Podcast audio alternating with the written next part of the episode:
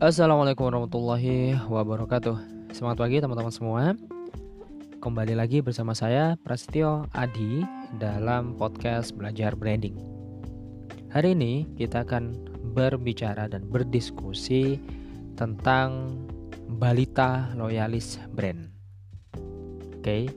Balita Loyalis Brand. Jadi ada sosok-sosok balita eh, Bayi lima tahun gitu ya yang sangat aware dengan sebuah brand. Jadi misalnya nih, uh, anak saya masuk ke sebuah minimarket gitu ya, minimarket, kemudian dia secara otomatis akan mencari produk nyam-nyam. Walaupun dia belum bisa baca, kok dia bisa tahu gitu ya?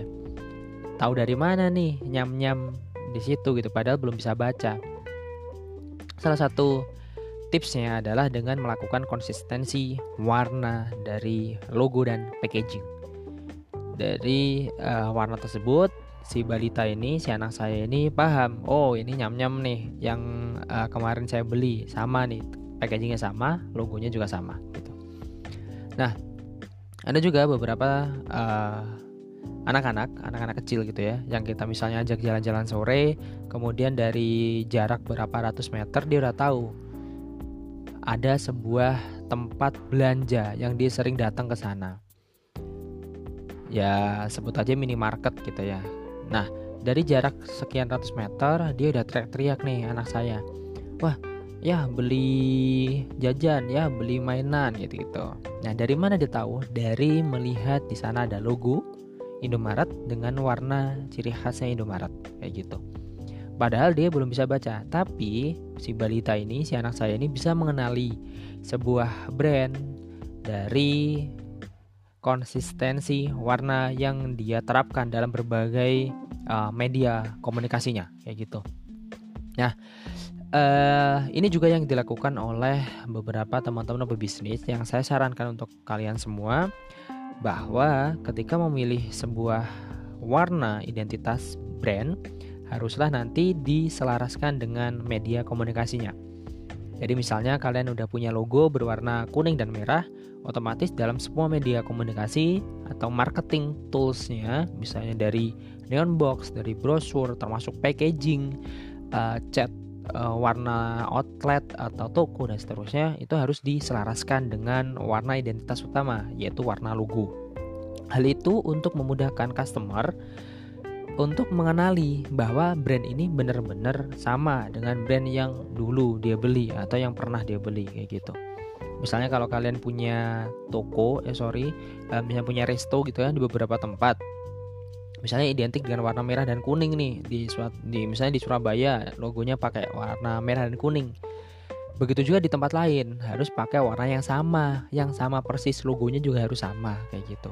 Jadi nanti dalam sebuah logo dan warna juga packaging pengemasan dan beberapa media komunikasi lain itu akan menjadi sebuah atau menjadi jaminan atau menjadi garansi dari brand tersebut Simpelnya gini. Ketika Anda melihat minimarket dengan tulisan di sana Indomaret dengan warna logo seperti itu, dengan neon box seperti itu, maka kalian paham bahwa ini adalah Indomaret. Dan yang kedua, kalian akan paham bahwa apa sih value yang ditawarkan Indomaret nih? Misalnya tempatnya bersih, tempatnya uh, adem dengan AC, oh, terang gitu ya, pelayanannya ramah dan seterusnya. Ketika uh, kita masuk ke Indomaret yang lain, pastikan bahwa sisi-sisi value-nya juga sama seperti itu. Contoh lain, misalnya kalian menemukan di sana ada logo uh, eh, KFC misalnya, dan uh, di seluruh outlet KFC seharusnya sisi operationnya sama. Ada menu-menu yang memang uh, pakemnya di KFC itu tersedia di beberapa uh, outletnya pelayanannya juga ramah, SOP-nya jelas di sana, rasa produknya juga kalau bisa mirip-mirip bahkan sama kayak gitu. Jadi dari nama brand dan logo tadi itu adalah simbol atau garansi sebuah kualitas. Itulah yang akan membedakan brand kalian dengan brand kompetitor atau brand yang lainnya gitu. Ketika ada nama itu, ketika ada logo itu, pastikan bahwa value yang ditawarkan adalah sama di semua tempat. Di tadi uh, itu adalah salah satu trip uh, tips atau trik ya untuk kita semua dalam membangun sebuah brand. Ada value di sana dan pastikan bahwa di logo tersebut kalau kita tadi bilang ada jaminan garansi, garansi ini biasanya dilakukan atau erat kaitannya dengan sisi-sisi operation gitu, operasional. Jadi ada pelayanan di sana, ada keramahan di sana, ada misalnya kelengkapan produk dan seterusnya gitu. Jadi uh, selain di sesi yang lalu kita bilang bahwa logo itu simbol pembeda, sekarang kita bilang bahwa ada value lain nih dalam sebuah logo, yaitu apa? Yaitu menjadi sebuah garansi kualitas. Di mana pun mereka berada, ketika menemukan nama itu dan logo itu tertentu gitu ya, pasti kualitasnya sama seperti itu.